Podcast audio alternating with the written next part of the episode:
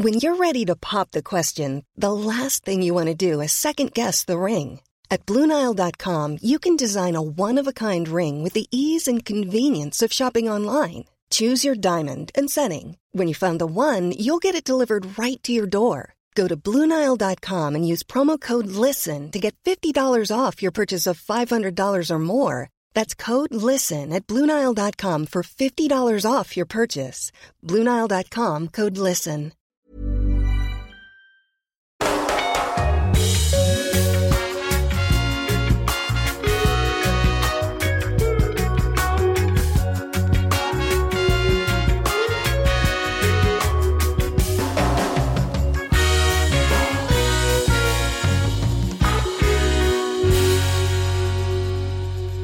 Då säger vi varmt välkomna för sista gången 2021 till den damallsvenska podden. Ja, damallsvenskan har varit eh, slut ett tag, men det finns ju otroligt mycket att prata om ändå och eh, det kommer inte bara bli eh, svenskt fokus under eh, den här podden, det kan jag lova redan nu, men eh, vi ska snacka värvningar. Vad är det egentligen som händer i klubbarna?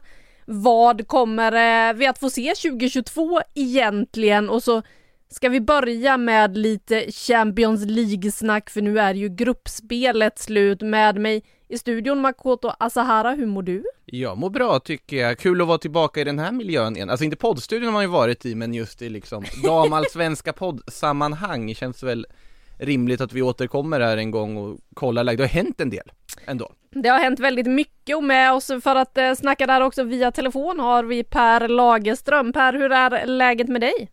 Ja, men det är mycket bra. Men jag tycker lite för lite Obostama-svenskarna nu, så det blir perfekt att få, få podda lite och få tycka och tänka. Ja, prata av dig lite och som sagt, damallsvenskan det ska vi landa in i alldeles strax, men vi måste börja med eh, Champions League-gruppspelet. Vi börjar väl med eh, då vårt svenska representationslag som fanns med Häcken. Otroligt eh, tungt gruppspel för Häckens del, många stora förluster mot de stora jättarna från Europa. Vad säger du om resultaten Makoto?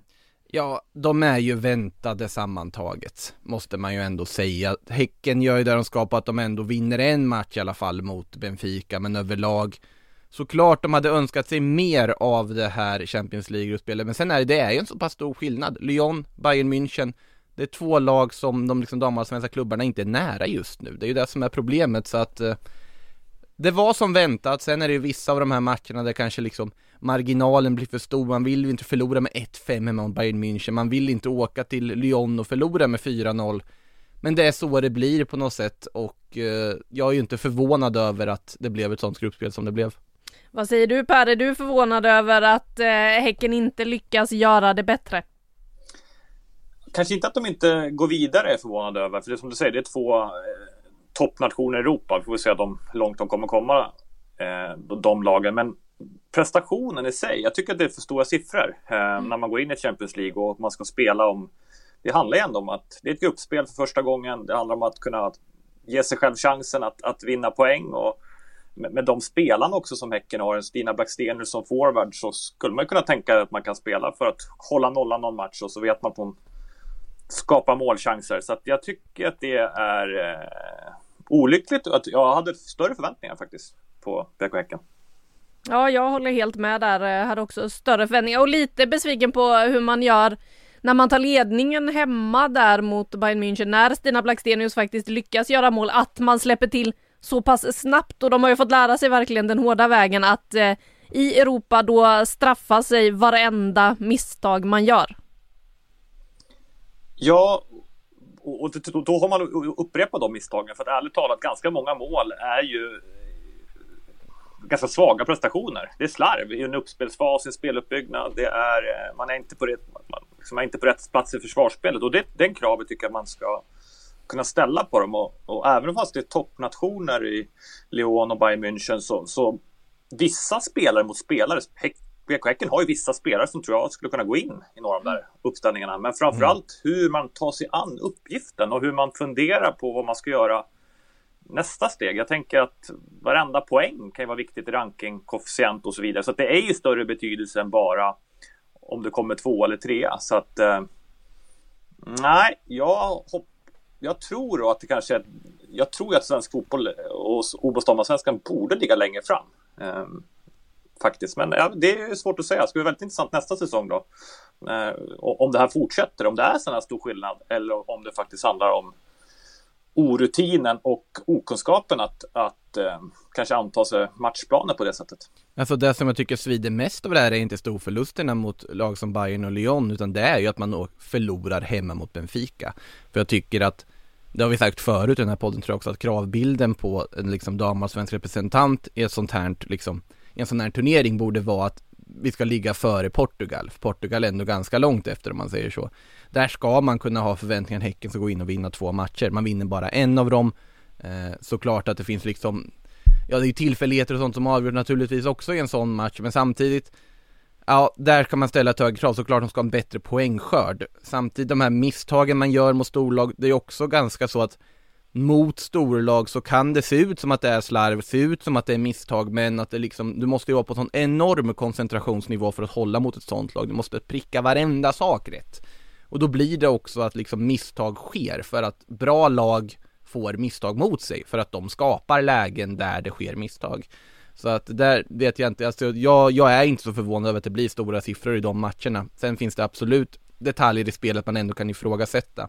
Men som sagt, vad Rosengård hittar på om, det, om de tar sig till gruppspelet nästa år, det ska bli väldigt spännande att se om det är lika långt emellan som det var nu. Så kan man ju fundera på också den, vilken formkurva Bräckveckan kommer in med det här slutspelet. Alltså mm. hur, vi har tittat hela säsongen, vi som har följt dem i. Hur, man har ju inte lyckats ersätta Filippa Angedolt helt krasst. Alltså den motorn på mittfältet, men mm. också Kullberg var med nästan hela tiden, men hon är på väg bort. Eh, hur, hur har fyrbackslinjen kunnat sett ut liksom? Med, vad hände med förra året med finskorna på kanterna? Ehm, hur, hur vass är man som lag? Och eh, Rosengård vann ju faktiskt ganska enkelt och det kanske säger någonting. Eh, så att det kanske också är en signal var står Bäck och Häcken exakt som lag just nu när Champions League ska genomföras. Ja, så är det ju och hela den här kontraktsituationen som eh, vi har pratat så mycket om som blev väldigt märklig med eh, Sigiotti och Kullberg som försvinner mitt i det här gruppspelet och Eh, mycket som har skett i Häcken. Eh, vi får väl se hur det går då nästa säsong för eh, Rosengård som ni är inne på som ju då blir eh, representanter eh, framöver. Vi ska ju även så att eh, Häcken får kvala som tvåa och eh, Kristianstad än en gång som trea men vägen in är ju längre. Men det är ju så att bara för att Häcken nu då åkt ut i gruppspelet så är det ju inte så att eh, Champions League lägger sig ner och dör. För nu är det dags för kvartsfinaler. Eh, och de ska ju faktiskt lottas här idag eh, och eh, det som väl är mest anmärkningsvärt när man tittar på den här listan det är ju absolut inte att Häcken saknas, det är att eh, finalisterna från i fjol Chelsea finns inte med i kvartsfinal. Per, hur reagerar du på att eh, Chelsea faktiskt inte tar sig vidare från sin grupp? Nej, om det är en besvikelse för att inte Häcken så tänker jag för Chelsea-fan enorm besvikelse som du säger. Det, de är... Eh, de spelade final förra året. De är toppklubb i England. De har satsat på det här. Jag tror att de har, som, utan att veta det, ska jag gissa att de har intern målsättning. I år ska de konkurrera om att vinna hela turneringen. Och de åker ut i ett gruppspel. Nog att det var jämnt men också på det sättet i den avgörande matchen mot, mot Wolfsburg. Det, ja, det blir väldigt spännande att se ett lag som brukar vinna så otroligt mycket, hur de hanterar det här framöver som lag och som, som klubb. Alltså, det som slår mig är att det här är ju en käftsmäll för VSL. Alltså att, att Chelsea såklart, nu fanns det ju, det pratade jag med Hayes om efter den här matchen också, att det var två covidfall i laget, det fanns en osäkerhet överhuvudtaget i med situationen som är i England inför den här matchen och den mycket väl kan ha påverkat laget eh, mot Wolfsburg, men du ska ju inte kunna förlora en sån avgörande match på det sättet du gör oavsett. Eh, och att Chelsea, som är liksom kanske Englands hela bästa lag, åker ur i ett gruppspel eh, det är för dåligt. Att Juventus, eh, all heder till hur Juventus hanterar det här gruppspelet, och tar sig vidare, de tar den här poängen mot Chelsea som de behöver och så vidare och löser den här platsen. All heder till dem, för jag trodde inte de var så långt fram som de har visat att de är. Eh, Wolfsburg vet vi hur bra de är, det vet vi sedan tidigare, de har varit med i gamet länge. Men det är ju en sån otrolig prestigeförlust för den engelska ligan som satsar så pass mycket som de gör. Ett annat noterbart resultat från den omgången i Arsenal som liksom åker till Hoffenheim och förlorar med 4-1. Eh, engelska ligan är kanske inte så långt framkommen som de vill få det till överhuvudtaget. Titta på när Arsenal mötte Barcelona också. Nu, nu blir ju alla överkörda av Barcelona i år, men det är, en, det är de är absolut bästa lagen i Spanien, Tyskland, i Frankrike. Jag tycker de är en bit före de absolut bästa i England just nu. Eh, och det ser, det man ju på resultaten om inte annat så att det blir intressant hur de kommer svara på det här och hur satsningarna kommer vara. Man har ju märkt hur mycket de har satsat med nyförvärv och truppbyggen och allting runt omkring och så vidare hur långt gånget är. Men sportsligt så är det fortfarande en bit till de allra, allra bästa. Det är det absolut och jag tycker att det är intressant att man märker det så tydligt mot just eh, tyskt motstånd, mm. en liga där man ju har byggt väldigt länge som är taktiskt skolad, där man vet eh, vad man håller på med och som har bevisat sig på den här scenen i flera år. Det har ju varit tyska ligan som har dominerat och så har de andra kommit som uppstickare nu men det görs ju mycket rätt runt om i eh, den engelska ligan med satsningar kring tv-rättigheterna kring sändningarna, det kommer in mycket pengar så att förhoppningsvis kommer de väl dit men eh, det är intressant att se hur de eh, agerar när man ställs mot så här taktiskt skolad lag. Jag menar Hoffenheim, det var ju laget som eh, skickade ut Rosengård ur den här turneringen så att, eh, att Arsenal kan förlora mot dem med 4-1 eh, det är ju ändå lite, lite tillbaka till eh, Rosengård som eh, var väldigt missnöjda efter att ha åkt ut mot eh, just Hoffenheim. Vad säger du om eh, VSL och eh, deras status Per? Ja, men jag jag tycker det är en intressant diskussion. Jag tycker i och för sig att de har, med, all rätt har hög status och jag tycker det är kanske lite tidigt att utvärdera hur, hur, hur hög standard de håller. Att Barcelona är en klass för sig, det tycker jag varit tydligt när man sett det. Eh, däremot tycker jag du är inne på något väldigt intressant Anna. Det är liksom taktiken, den taktiska skolan som de tyska lagen har. Det är inte bara i damfotboll och här i fotboll. Man brukar alltid prata om bollen spelas så det jämnt och förr eller senare vinner Tyskland. Alltså de har ju någonting speciellt i taktiken och kanske är det ödmjukheten då i VS, alltså i Super League där i England. Att både Chelsea och Arsenal, visst de har förstärkt, de är bättre än någonsin, de, de vinner mycket på hemmaplan. Men man har en matchplan, en specifik matchplan när det blir Champions League. Det är ju faktiskt någonting annat när man möter ett europeiskt lag från en annan nation med andra toppspelare. Hur man tar sig an matchen. För tittar man på båda de här liksom Wolfsburg otroligt smart spelat mm. mot Chelsea. Chelsea hade ju bollen som vanligt, men de ställde om på dem hela tiden. Likaså med Arsenal. Liksom Hoffenheims matchplan och hur de tar sig an matchen. Så att kanske att man gått och rätt, eller så, så handlar det om att ödmjukheten att ta sig an internationella motståndare. Eh, har man scoutat, jag förväntar mig att man har scoutat dem, men ja, kanske att det gått för enkelt, för bra för de här topplagen i England och så helt plötsligt smäller det till när man kommer till Europa. Eh, oväntat tycker jag dock. Ja, jag såg ju där att Arsenal, bland annat Jonas Edvall, twittrade ut här i veckan att han söker en analytiker och eh, ja, det verkar som att de kan behöva det i Arsenal-lägret. Ska ju säga att de vann också 4-0 hemma mot Hoffenheim och gick ju ändå vidare så att det kanske inte är sån fara på taket likväl. De är ju trots allt nu. Det lär ju bli svårt i den kvartsfinal de får med tanke på vilka grupp ettor det är de kan lottas mot i form av liksom Wolfsburg, Paris, Barcelona, Lyon liksom oavsett vad du får så är du ju en underdog i en sån match. Så att, eh, det blir eh, ändå viktigt för Arsenal liksom att ta sig vidare, även om det kanske inte var på det allra vackraste viset de gjorde det.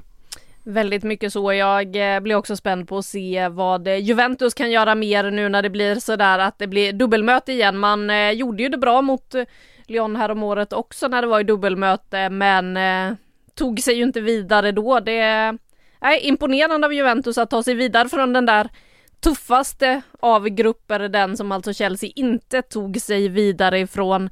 Men som sagt, lottningen, eh, den är inte genomförd än. Den kommer att eh, ske här om en liten stund, så vi lämnar det där nu och eh, släpper Champions League, släpper Europa och nej förresten, jag kom på vad jag också är orolig över. Magdalena Eriksson klev ju av skadad i Chelsea-matchen och eh, jag blev orolig med tanke på hur hon reagerade kring den där skadan. Sen så haltade hon ju visserligen av på egen maskin, spelade några minuter till men det blev bara fem minuter efter eh, halvtidsvilan och eh, mm, för en eh, svensk landslagsspelare så blir man ju orolig. Även Pernilla Hades reaktion gör att det kändes inte helt bra det där.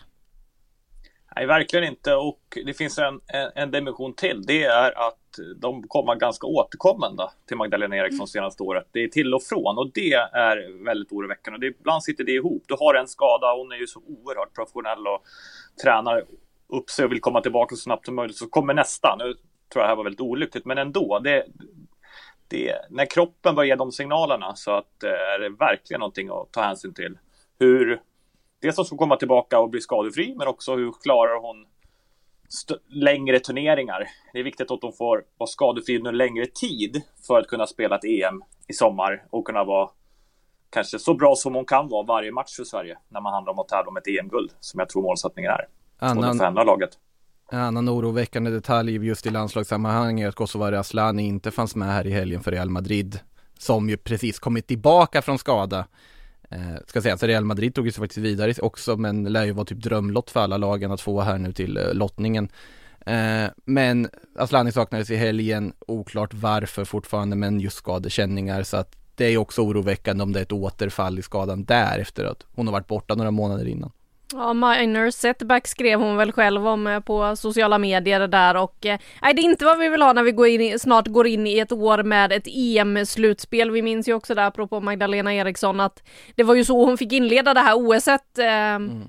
Fick eh, sitta på bänken eller till och med på läktaren i premiären mot USA efter att ha haft skadekänningar in i den där turneringen efter Champions League-spelet i fjol så att eh, Nej, det är inte de signalerna vi vill ha. Det är ju dock ett halvår kvar till EM så vi behöver kanske inte börja oroa oss allt för mycket redan nej, det, nu.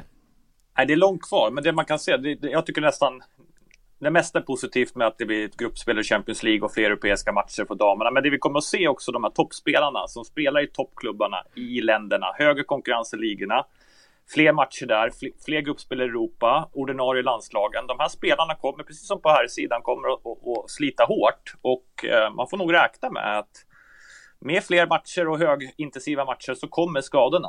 Det, det är någonting som jag tror landslaget behöver ha en plan för att ha. Och det tycker jag i och för sig att de har. De har ju faktiskt ganska bred trupp nu, svenska damlandslaget, på många platser. Eh, framförallt offensivt, vill jag påstå. För det är ju också någonting som kanske damlag i sig inte alltid har, just breda trupper. Man har inte den möjligheten att rotera på samma sätt som de etablerade herrklubbarna som har levt i den här vardagen länge med tuffa Europamatcher vecka ut och vecka in samtidigt som man ska konkurrera i sin egen serie. Det har man ju sett flera gånger att det kan vara problematiskt när man inte kan rotera och de här skadorna dyker upp. Ja, verkligen. Och det är därför eh, fortsatt liksom, ekonomin och omsättningarna och liksom, professionaliteten behöver utvecklas så att man kan ha inte 20, för är två, tre borta då är det 17 spelare, utan du behöver ha 24-26 spelare i en trupp eh, för att verkligen kunna klara en hel intensiv säsong med hög, liksom, högkvalitativa matcher egentligen varje månad året om. Ja, med det så ska vi stänga det där Europafönstret nu. Nu tror så, jag inte nu. att det är något mer jag oroar mig över. Det kanske kommer sen. Jag oroar mig alldeles för mycket dessa dagar.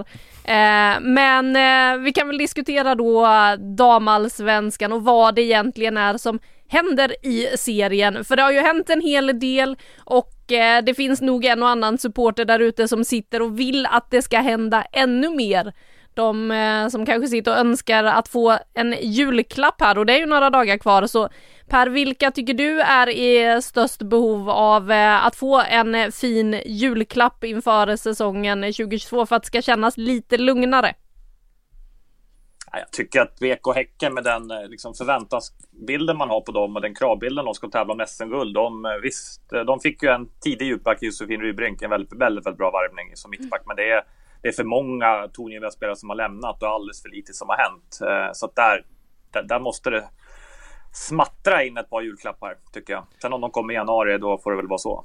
Alltså det är fortfarande väldigt tidigt här. Eh, sen, och så att det är klart det kommer hända saker, det är jag helt övertygad om. Sen tycker jag ändå att Josefin Rybrink-värvningen, det är ju ett power move av BK Häcken. De sätter ju en standard i den här serien. Eh, det, det, är en otroligt tuff prestigeförlust för Kristianstad tycker jag som ändå har utåt sett sagt att man ändå har målsättningen att verkligen konkurrera på allvar, att tappa då sin en av sina absolut bästa spelare, en som varit nominerad till Årets back två år i rad, eh, rakt av till BK Häcken. Ja, det är en extrem prestigeförlust skulle jag säga, men det är också en otrolig liksom, ja som sagt, power move från BK Häcken att plocka, ja liksom resten av seriens kanske bästa back om man bortser från de två topplagen, rakt in i startelvan. Där har man ju en ersättare för Emma Kullberg, det är på plats. Eh, Sen är det ju frågan vad som händer med Stina Blackstenius såklart. Och det, det kommer ju påverka mycket. Att man förlängde med Hammarlund är ju ett bra drag på alla sätt och vis. Eh, när hon kommer tillbaka från sin skada. Men eh, såklart de behöver värva mer. Sen är ju bara frågan vilka mer de kommer tappa också. För det är ju Jennifer Falk också eh, ryktenas dam för tillfället med liksom intresse från England och så vidare så att det är mycket som lär hända där innan innan vi drar igång nästa säsong. Ja, men jag håller med. Det just bara powern där. Om man, ska, om man bara har gjort en värvning och då, då, tycker jag det är väldigt snyggt att man tar då Josefin Rybing. För då kanske mm. man skickar signalerna till de andra man förhandlar med. Kolla, det, ja. vi plockade en av, och jag tror till och med att hon var under kontrakt va, med Kristianstad. Att man mm. plockar en spelare som är under kontrakt med de som kom trea till sig. Så det kan vara strategiskt väldigt, väldigt bra gjort av dem. För annars att man ju fundera vad kommer hända med BK Häcken? Det är en första signal vad de letar efter, vilka typer av spelare de ska plocka. Så att, mm. Ja, och skulle de eh, lyckas eh, hålla kvar en sån som Stina Blackstenius vore det ju också ett otroligt statement med tanke på vilken säsong hon har bakom sig, mm. både då i eh, serien men också i landslaget. Eh, det är ju inte så att eh, de europeiska klubbarna inte har uppmärksammat Stina Blackstenius eh, den gångna säsongen så att det hade ju också varit ett eh, otroligt statement för Häcken. Inte för att eh, göra ett hopp allt för långt ut i världen igen, men det måste ju sägas att det är ju mer eller mindre en skandal tycker jag att hon inte är bland de nominerade till Fifas världselva i, som anfallare. Eh, vi behöver inte gå närmare in på de nominerade till den listan för det var något alldeles utomordentligt, alltså icke-initierat som dök upp där från Fifa-kontoret. Inte första gången det händer. Nej, jag håller med. Men bara värt att notera. Absolut. Eh, och Häcken, ja de eh, jobbar nog en del eh, på kontoret där Martin Eriksson och gänget. Eh, vad har vi mer då? Det har ju hänt en hel del. Vi kanske kan ta Djurgården till exempel där det har hänt en hel del och är på gång med mer grejer. Men man har alltså tappat kaptenen Kila van den Bulk just då till Kristianstad istället. Eh, Power Long. move på en annan nivå kan man väl säga från ja. Kristianstad ändå tycker jag. Man visar var i hierarkin de olika lagen befinner sig här när. Ja. Eh, Kjella van den Bulk landar i Kristianstad då istället, kapten i Djurgården. Fanny Long får inte förlängt kontrakt. Eh, man har taggat av en hel del spelare, Hanna Ekengren får lämna och eh, så har man då värvat in lite också som, eh, inte Emma Kullberg, men lilla syster Sanna Kullberg som flyttat till Stockholm. Vi har eh, Tove Almqvist också presenterad och enligt våra uppgifter så är ju även Ebba Wider på gång till Djurgården. Hon är väl inte presenterad än va? Ebba Wider är väl inte presenterad än men de presenterade ju Emil Lövgren här nyligen, det är ju en spännande värvning också, känns Känns som en smart rekrytering att få in i liksom i defensiven där också. Eh, Stina-Lisa Johansson har också kommit in, spännande spelare tycker de har värvat bra. Jag tycker det, det, det, är intressanta värvningar de har gjort och det känns som att det finns en tanke bakom dem och långsiktighet i det. Sen är det ju anmärkningsvärt spelarna som de tappar för det är rejäla tapp. Jag tycker att någon som man pratar lite lite om bland tappen är ju Elisabeth Addo. Nu var det ju så att man kanske inte hade säkrat att man skulle förlänga med henne oavsett, men jag tycker hon spelade upp sig ganska rejält under hösten och var en av lagets absolut bästa spelare. Eh, den mittfältpositionen, ja, nu kommer ju Almqvist in och kanske sannolikt vidare också så att där täcker man ju på så vis eh, Du kommer lösa den här problematiken Djurgården hade med att man hade för många icke inhemskt fostrade spelare som gjorde det lite rörigt i liksom trupputtagningen. Den aspekten löser det ju, det ser man ganska tydligt man har tänkt på också med värvningarna för nu är det ju inhemska spelare man värvar. Tycker Sanna Kullberg är en strålande värvning i det här läget också så att Ja, det, det lär hända mer saker i Djurgården, men de har i alla fall varit ett av de mest aktiva lagen hittills och varit väldigt tidiga med, med sitt bygge inför nästa säsong. Ja, och jag tycker, ja, men jag, jag, vill bara fylla på. Jag tycker om man ska ha någon lista på vilka som leder silly season, som sagt, det är väldigt långt kvar, så tycker jag det, de ligger väldigt, väldigt bra till. Eh, alltså, du stärker liksom både kultur, alltså viktiga ledargestalter liksom, med Emelie Löfgren, den erfarenhet hon har liksom, som back. Och först, visst, mm. de har tappat van der Bulk, men okej, okay, då tar man Kullberg och Löfgren på de platserna.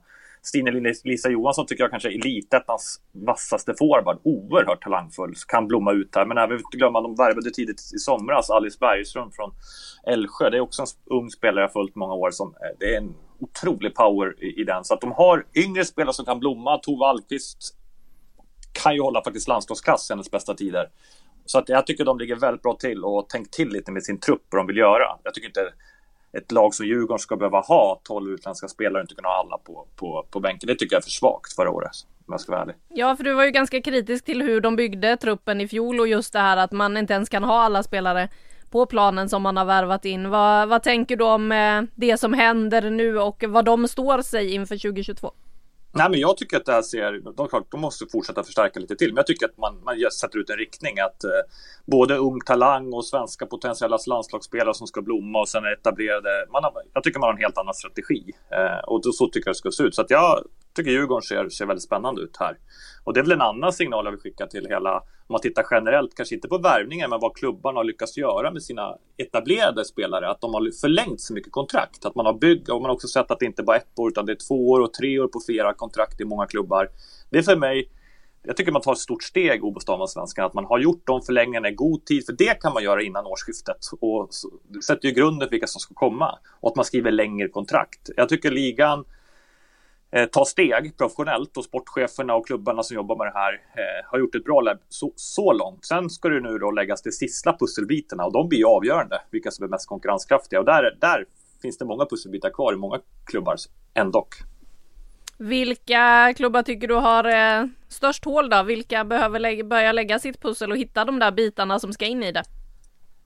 Det, det är såklart, det är också på förväntansbilden, men vi har redan hänt tecken. Men det är klart att Rosengård kommer också fylla på. Eh, de, de, jag ser dem som stora favoriter redan nu för att de, de spelarna som är kvar högkvalitativt, men de måste fylla på med fler spelare i den truppen och det, det tror jag att de kommer göra. Så jag är inte speciellt oro, orolig för, för Rosengård. Men sen är liksom, egentligen alla lag tycker jag saknar ett par viktiga, det är inget lag som känns klar faktiskt. Eh, det är väl det gemensamma. Alla som ska vara där uppe. Kristianstad har tagit ganska mycket, så de, de är väl de som har kommit längst av toppklubbarna tycker jag, eh, som hel trupp. Förlängt ganska mycket, balanserat smarta inhemska värvningar från andra lag med, med kryddat internationellt. Det känns som Elisabeth Gunnarsdotter har full koll på vad hon gör där. Ska Eskilstuna ta ett steg till så behöver de också hitta några liksom, spetsspelare. De har en väldigt stabil grund. Eh, viktigt.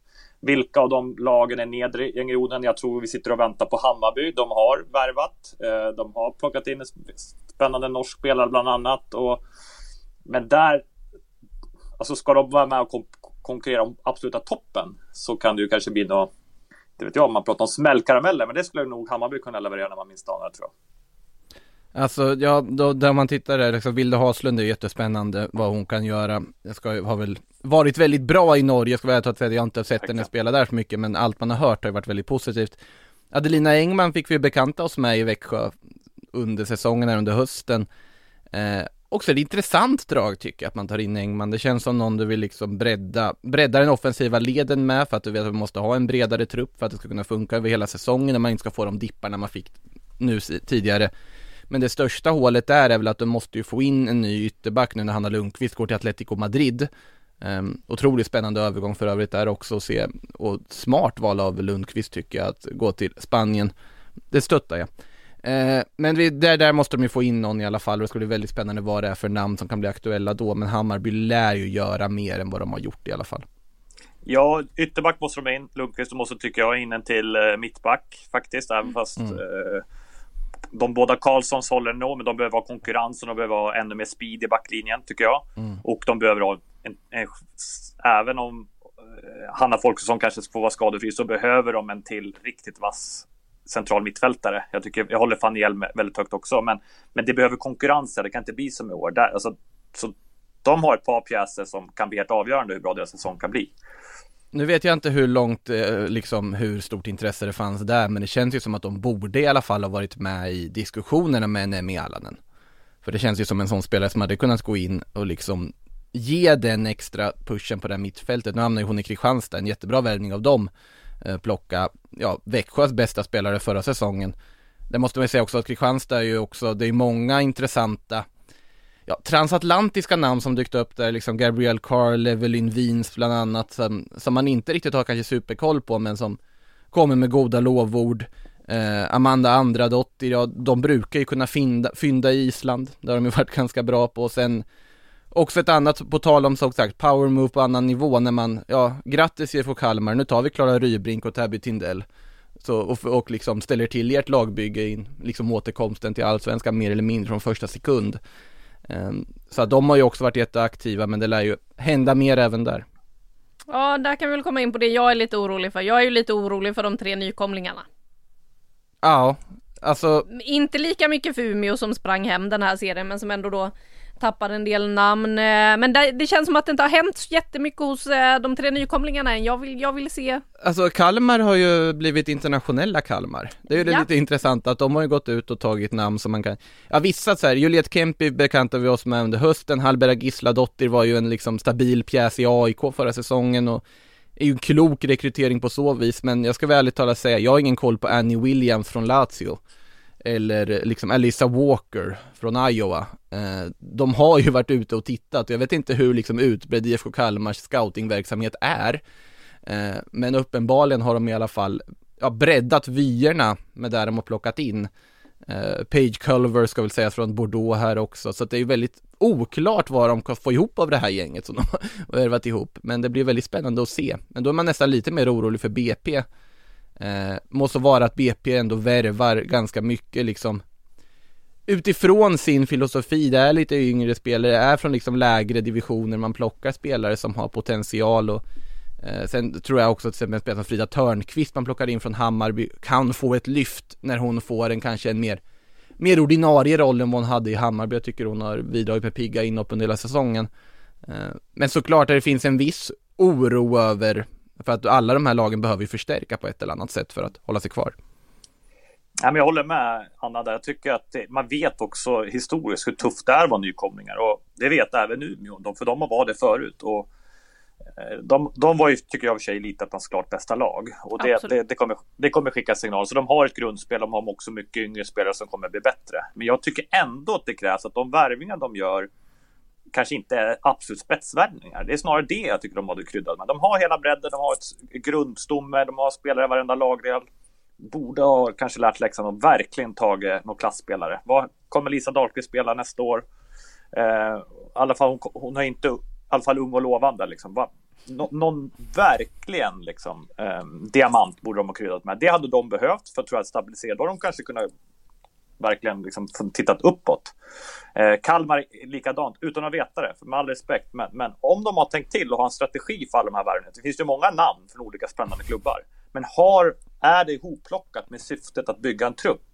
Det får vi väl se. Jag, när jag tittar på spelarna så ser jag inte riktigt vilka som ska passa ihop med vad och hur ska man spela. Vi vet inte hur de ska spela heller för man har ny tränare i år. Exakt. Eh, en, en skicklig, en erfaren tränare som har varit många klubbar, David eh, som, som jobbar otroligt fysiskt. Men svårt att bedöma vad den där truppen ska göra. Eh, jag håller helt med, också med med BP. De, BP har, kan väl kanske heller inte ha den förutsättningen. Vad kan de värva? Eh, Frida Törnqvist, smart värvning, hårt jobbande spelare. Jag tycker också Emilia Bengtsson från Lidköping, en, eh, eh om man pratar sådana här tvåvägsspelare, man får haft en defensivt balanserad mittfältare. Det kan man fundera på. Vad kommer BP behöva göra i Ova Svenskan. Sannolikt kommer de behöva anfalla mer eller försvara mer. Kanske försvara lite mer, täcka ytor, vinna dueller. Det tycker jag är en väldigt klok värvning.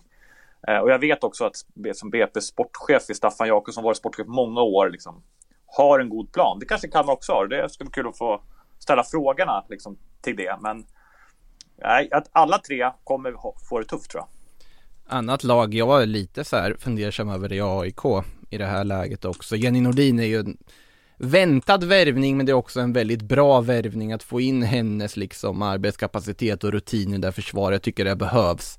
Eh, men samtidigt, det, Santamäki tycker jag är ett tapp som inte pratas så mycket om som gått till Umeå. En smart värvning av dem också tycker jag har varit nyttig för AIK under säsongen. Som sagt, Isla Dotti går till Kalmar. Men de behöver väl kanske få in och ner. Vi får se hur det blir med liksom Konja Plammer om hon hon blir kvar eller inte. Hon sa sig väl upp kontraktet där med Orlando också och borde ju vara tillgänglig. Där tycker jag är någon man skulle prioritera att försöka förlänga om hon är intresserad av att vara kvar en säsong till i, i AIK. För jag tyckte det var en väldigt, väldigt trevlig bekantskap här under senhösten när hon dök upp i serien. Men det är ju de behöver ju också ha någon form av spets för att väcka någon form av tro i det här laget förutom att man såklart behåller Honoka Hayashi vad det verkar och Hannah Davison, det är ju jätteviktigt i sig men någonting mer att krydda det här med hade varit spännande att se för, för AIKs del. Verkligen, men också det AIK, alltså AIK fotboll, titta totalt sett vad den föreningen omsätter, vilken mm. maktfaktor det är liksom inom här i fotbollen. Jag, nästan som man vill säga, kom igen, ge förutsättningar nu för att, mm. för att de vinner på ungdomssidan, både på dam och här. Eh, och det är klart att det här, det, de måste förstärka. De ska ju de ska ju inte behöva vara en säsong till i botten OBOS damallsvenskan. Det, det tycker jag inte när man har det, de ekonomiska musklerna faktiskt. Mm. Så är det ju och eh, det finns ju, jag tycker ju också att eh, vi var inne på Rosengård lite innan, man väntar ju på vad de skulle kunna få in för namn eh, där. Men om man, vi tittar i Skåne, vi har pratat Kristianstad, vi har nämnt att Vittsjö tappar Vider och eh, Tove Almqvist. Eh, man har plockat in Jutta Rantala, man har plockat in alltså. Linda Sällström. Eh, vad, vad känner du kring Vittsjös förstärkningar Per? Ja, men just Rantala stabilt, kanske inte blomstrar helt, men, men spänn tror jag kommer passa jättebra i Vittsjö. Men Linda Sällström, visst hon har varit här tidigare, det kanske kan vara den smartaste värvningen. Hon, hon gör ju mål i vilken klubb hon än är. Och vilket, vilket, oavsett det är landslag, klubblag, i Sverige, någon mm. annanstans. Så att, och hon kan, och hon har varit i Vittsjö tidigare, så det är också det. Alltså hon känner till det, tycker jag, är väldigt, väldigt bra var, eh, värvning. Och just den här forwarden som, som gör över 10 mål, kanske upp mot 15. Kan Vittsjö få en spelare som gör en forward som gör 15 mål, då kommer de vara konkurrera där uppe. Får de inte fart på Linda Sällström, då blir det ett mittengäng. Sen bör de även titta på vem ska tillsammans med, med Mårtensson där träna dem. För att eh, Robert Bergström har ju lämnat och han, Mårten, Thomas Mårtensson vill alltid ha någon som jo, han jobbar med. Så det blir också en signal. Hur, vad, vad kommer Vittsjö? Hur kommer de att spela? Och det kanske de väntar med värvningar för de vet att de ska komplettera tränarteamet. Så kan det mycket väl vara. Vi eh, har inte heller nämnt eh, Eskilstuna. Vad händer i Eskilstuna egentligen? De har bytt målvakt. Det är väl det de har gjort. Eh, Katrin Frein har tagit in en av många Växjöspelare som blir kvar i damallsvenskan. Det är väl typ snart hela startelvan. Det är väl några till som ska placeras ut i diverse klubbar innan, innan vi är helt klara där. Eh, men eh, Ja det är väl där de har gjort, annars har man ju varit väldigt lugna ändå överlag. Det var väl någon mer värvning de har gjort som jag inte har just nu i huvudet. Om jag inte är helt ute och cyklar här. Men eh, det lär ju hända mer därifrån. Det, dock en viktig förlängning där med Lindvik nyligen. Som han har förlängt kontraktet med. Jag tycker eh, hon tog jättestora kliv under den här säsongen. Och eh, viktig att behålla henne också inför fortsättningen. Eh, Linköping är ju de som har värvat flest Växjöspelare, så känns det. Det känns som att de ett tag bara... De, de har bidragit i det där. Plockade in den ena spelaren efter den andra. Efter att Växjö DFF tackade av dem på sin Instagram så dök de upp på Linköpings. Det var bara liksom gå vidare det steget på sociala medier. De kunde väl gjort ett samarbete där liksom och bara gjort ett klipp. Spara tid för någon. Nej. Ja, men Nelly Karlsson tycker jag är en jättebra uh, värvning. Även Lennartsson. Just Nelly Karlsson tycker jag lite, varit lite bortglömd. Liksom. Mm. Väns, vänsterfot, eh, kan spela in mittback, ytterback, men jag ser henne kanske allra främst som en mittback. Otroligt bra huvudspelare, bra i sitt, liksom, sitt offensiva spel. En väldigt bra värvning tycker jag av Linköping. Eh, men sen som sagt, sen är det med tanke på deras säsong. De, de tappar ju ändå Frina Månum där mitt i säsongen och lyckas inte riktigt ersätta henne även om Momiko kom in. De gjorde en bra avslutning, men ska de tävla i det absolut högsta skicket och konkurrera med Häcken och Rosengård om, om, eh, och Kristianstad om medaljer så kommer det behöva komma in några. Nu har de kanske ersatt det de har tappat, men eh, fortfarande kanon. Vem, vem, ska vara forward här? Vem ska göra mål? Ja, de, alltså, såklart det finns en liksom, utvecklingspotential på en spelare som Simonsson eller på Vangsgård och Capox, men någon mer central forward måste de ju få in och här när vi tittar på andra värvningar så måste man ju tänka att Linköping borde i alla fall ha varit med och kontaktat Adelina Engman och borde varit med och kontaktat Ja nu var vi Sällström var väl liksom självskriven om skulle hamna i Vittsjö men Likväl att det finns ju forwardsalternativ att titta på där borde de ju vara med på hugget för att de, de behöver ju få in en målgörare på topp och då, kanske någon med lite mer rutin och liksom power också för att eh, få någon liksom tydlig referenspunkt centralt framåt med all respekt liksom Therese Simonsson men jag tycker det behövs någon mer central liksom anfallsalternativ där. Håller helt med. Och skulle man nämna dem precis som vi tar Eskilstuna sist, visst det behövs någon mer, men titta deras trupp. De har ju nyckelspelare i varenda led. Jag tycker de känns en av få lag som har kunnat behålla nästan allt de vill ha och inte tappa någon större tapp. Och eh, har väldigt bra förutsättningar att lägga de sista pusselbitarna. Linköping behöver lägga någon tänka till lite till här. Nu har man fixat det i backlinjen tycker jag. Men eh, man måste sätta den här forwarden eller kanske till och med två.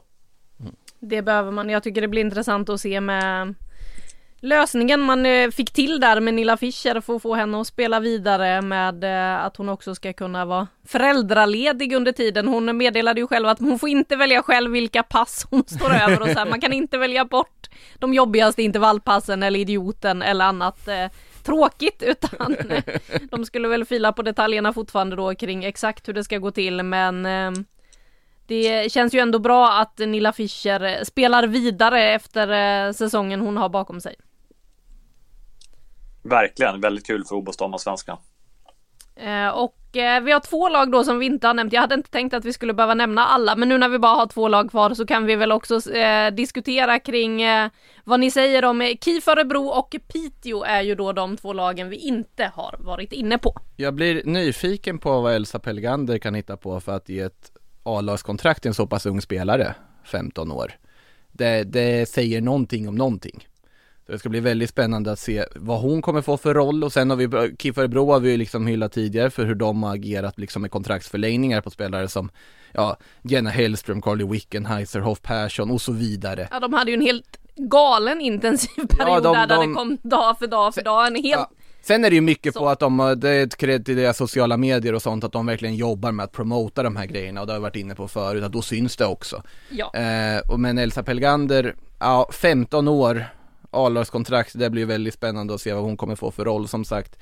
Angående Piteå, ja att tappa Jenny Nordin, det är ju såklart ett jättetapp för dem. Eh, men samtidigt, man har fått in Benediktsson från Vittsjö, eh, finns väl vissa detaljer du måste ersätta där. Guro Pettersen har ju lämnat och flyttat hem till Vålerenga igen. Eh, där har ju för sig Nicole Persson, är ju tillräckligt bra för att vara en första målvakt i det här laget. Ehm, Sen har man ju värvat då Mandy McGlynn från eh, New York Gotham FC, jag älskar det där klubblagsnamnet för övrigt. Eh, som de har värvat in, jag ska helt ärligt säga med all transparens att jag har ingen aning vilken nivå hon håller, men eh, de har i alla fall ersatt Guro Pettersen i truppen. Jag vet inte vad du säger Per? Om Piteå? Nej, men jag tycker Piteå har ju en tung säsong mm. i, i, med sig och egentligen inte på grund av någon anledning utan kanske för att spelarna helt enkelt inte räckte till. Eh, och det ser inte ut som man har förstärkt än så länge. Så det är nog lättare sagt än gjort. De har pratat om själva att bedriva fotboll högt upp. Att det är större när klubbarna får bättre ekonomi, eh, då blir det ännu tuffare för ett lag som Piteå att värva. Då måste de stoppa fram.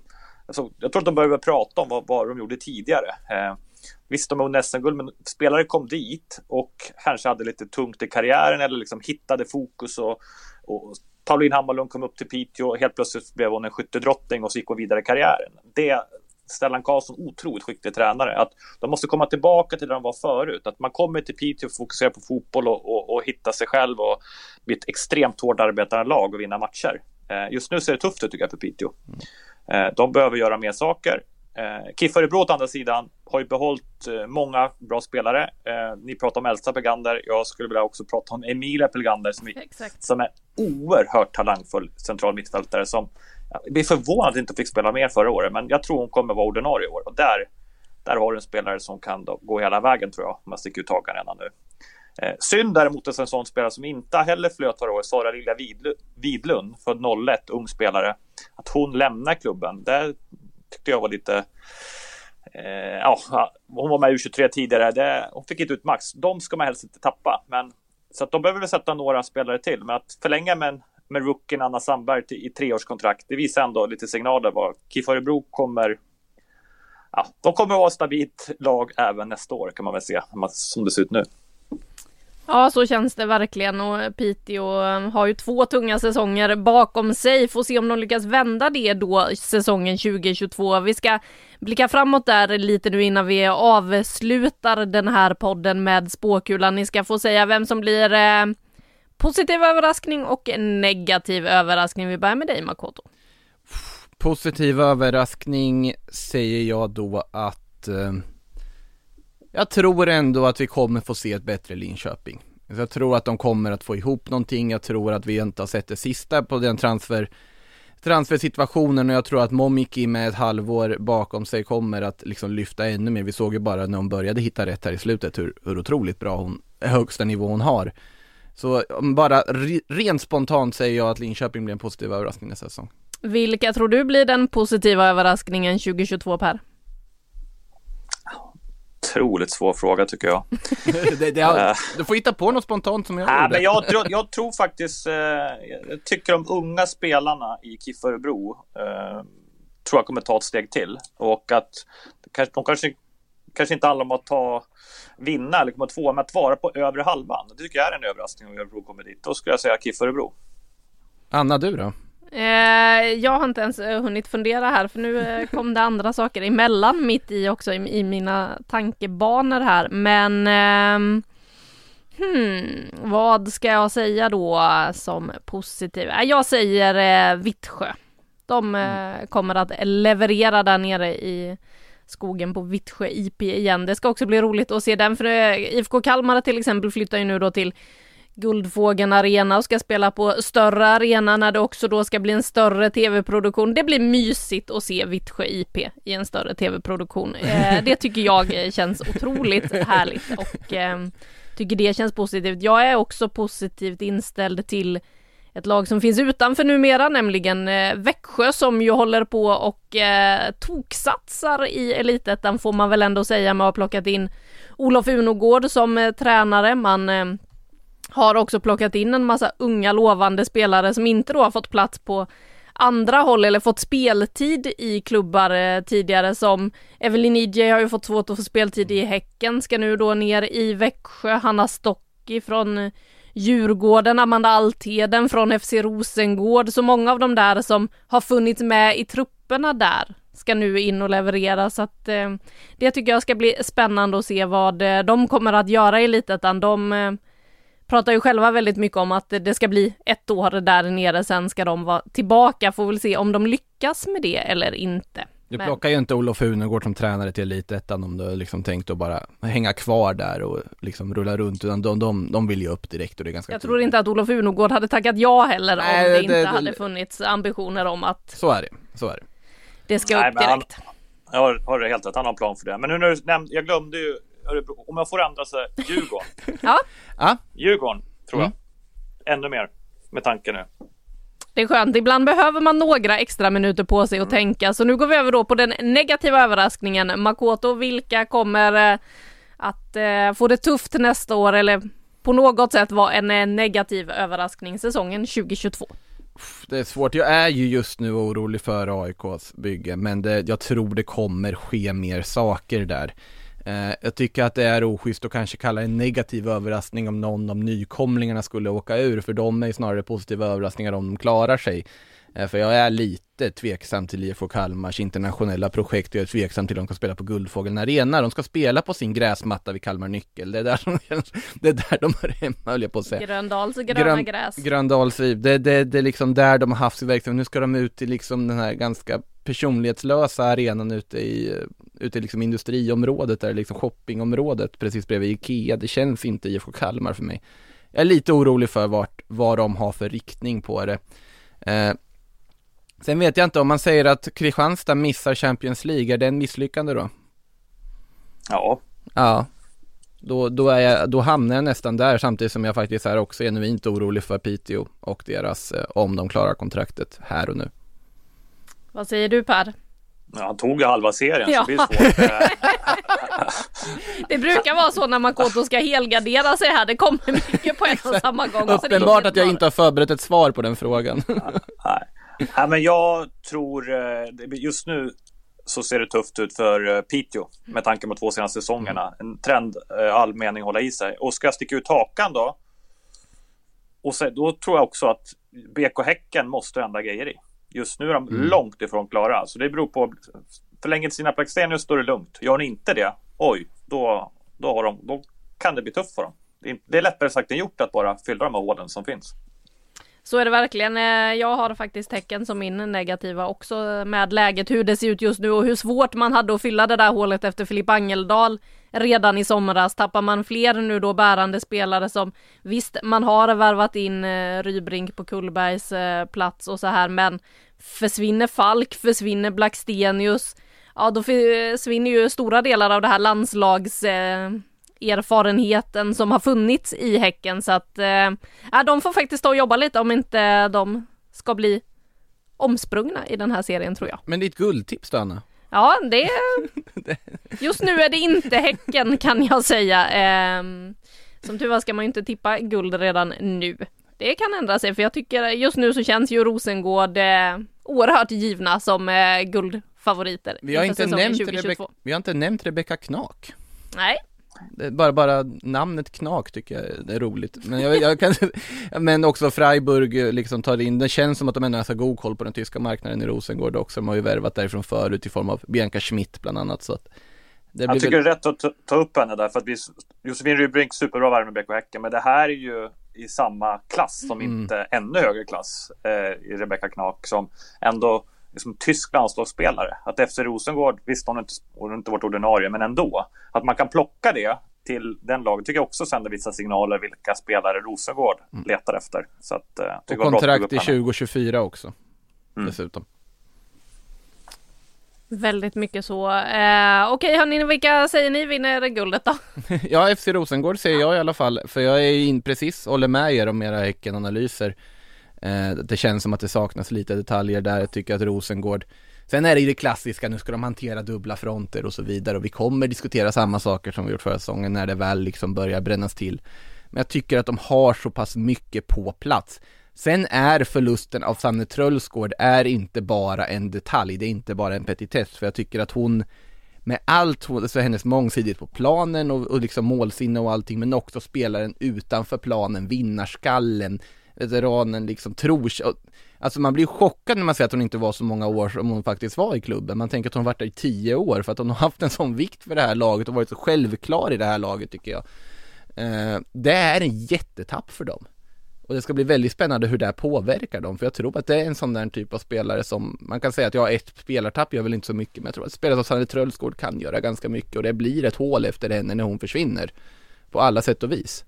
Eh, det ska bli spännande att se hur de hanterar det, det ska bli spännande att se när när man vet René Slegers får ett försäsong, en hel försäsong på sig att styra det här, få välja hur en spelare som Tigen Maika kommer att leverera när hon liksom går in i en säsong som första målvakt i Rosengård, hur Gudrun Arnardotter kommer att se ut när hon går in i en säsong som första val i mittlåset. Det finns många hur Loretta Kulashi kommer liksom, liksom lyfta också efter det, kanske målmässigt lite svagare höst här efter an, an, anslutet från Eskilstuna. Men här och nu så säger jag efter Rosengård. Det tog lång tid att svara på den frågan. Ja. per. Jag tycker det är ganska enkelt. Jag är mest orolig för att Rosengård ska bli överlägsna ja. ut nu. Eh, och det tycker jag inte vore bra för serien. Jag hoppas båda tecken men även andra, liksom Kristianstad, Linköping, Hammarby kommer igen. Alltså just nu tycker jag Rosengård ser överlägsna ut. Det är bara, jag säger bara Jelena Sankovic och Caroline Seger mm. i laget. Eh, då måste de andra lagen, Eh, då, då, då, är de utmanade redan nu. Så just nu mest orolig för att det blir ojämnt. Jag håller helt med i eh, den spaningen och eh, med det hörni ska vi faktiskt ta och stänga den här podden för i år för nu blir det ingen comeback i, i 2021. Det är ju inte så himla mycket kvar på det här året ehm, utan vi kommer tillbaka igen 2022 och det blir ju ett otroligt spännande år både med då den damallsvenska säsongen som väntar men också det EM som vi var inne på inledningsvis. Ehm, så ja, det finns mycket att se fram emot. Jag säger god jul till eh, dig och eh, Makoto och Per och eh, alla ni som har lyssnat och gott nytt år! Vi hörs igen 2022. God jul på er! God jul!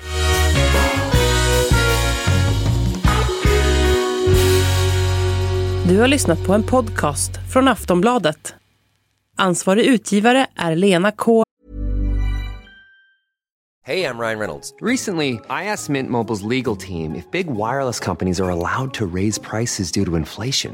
They said yes. And then when I asked if raising prices technically violates those onerous two-year contracts, they said, what the f*** are you talking about, you insane Hollywood ass?"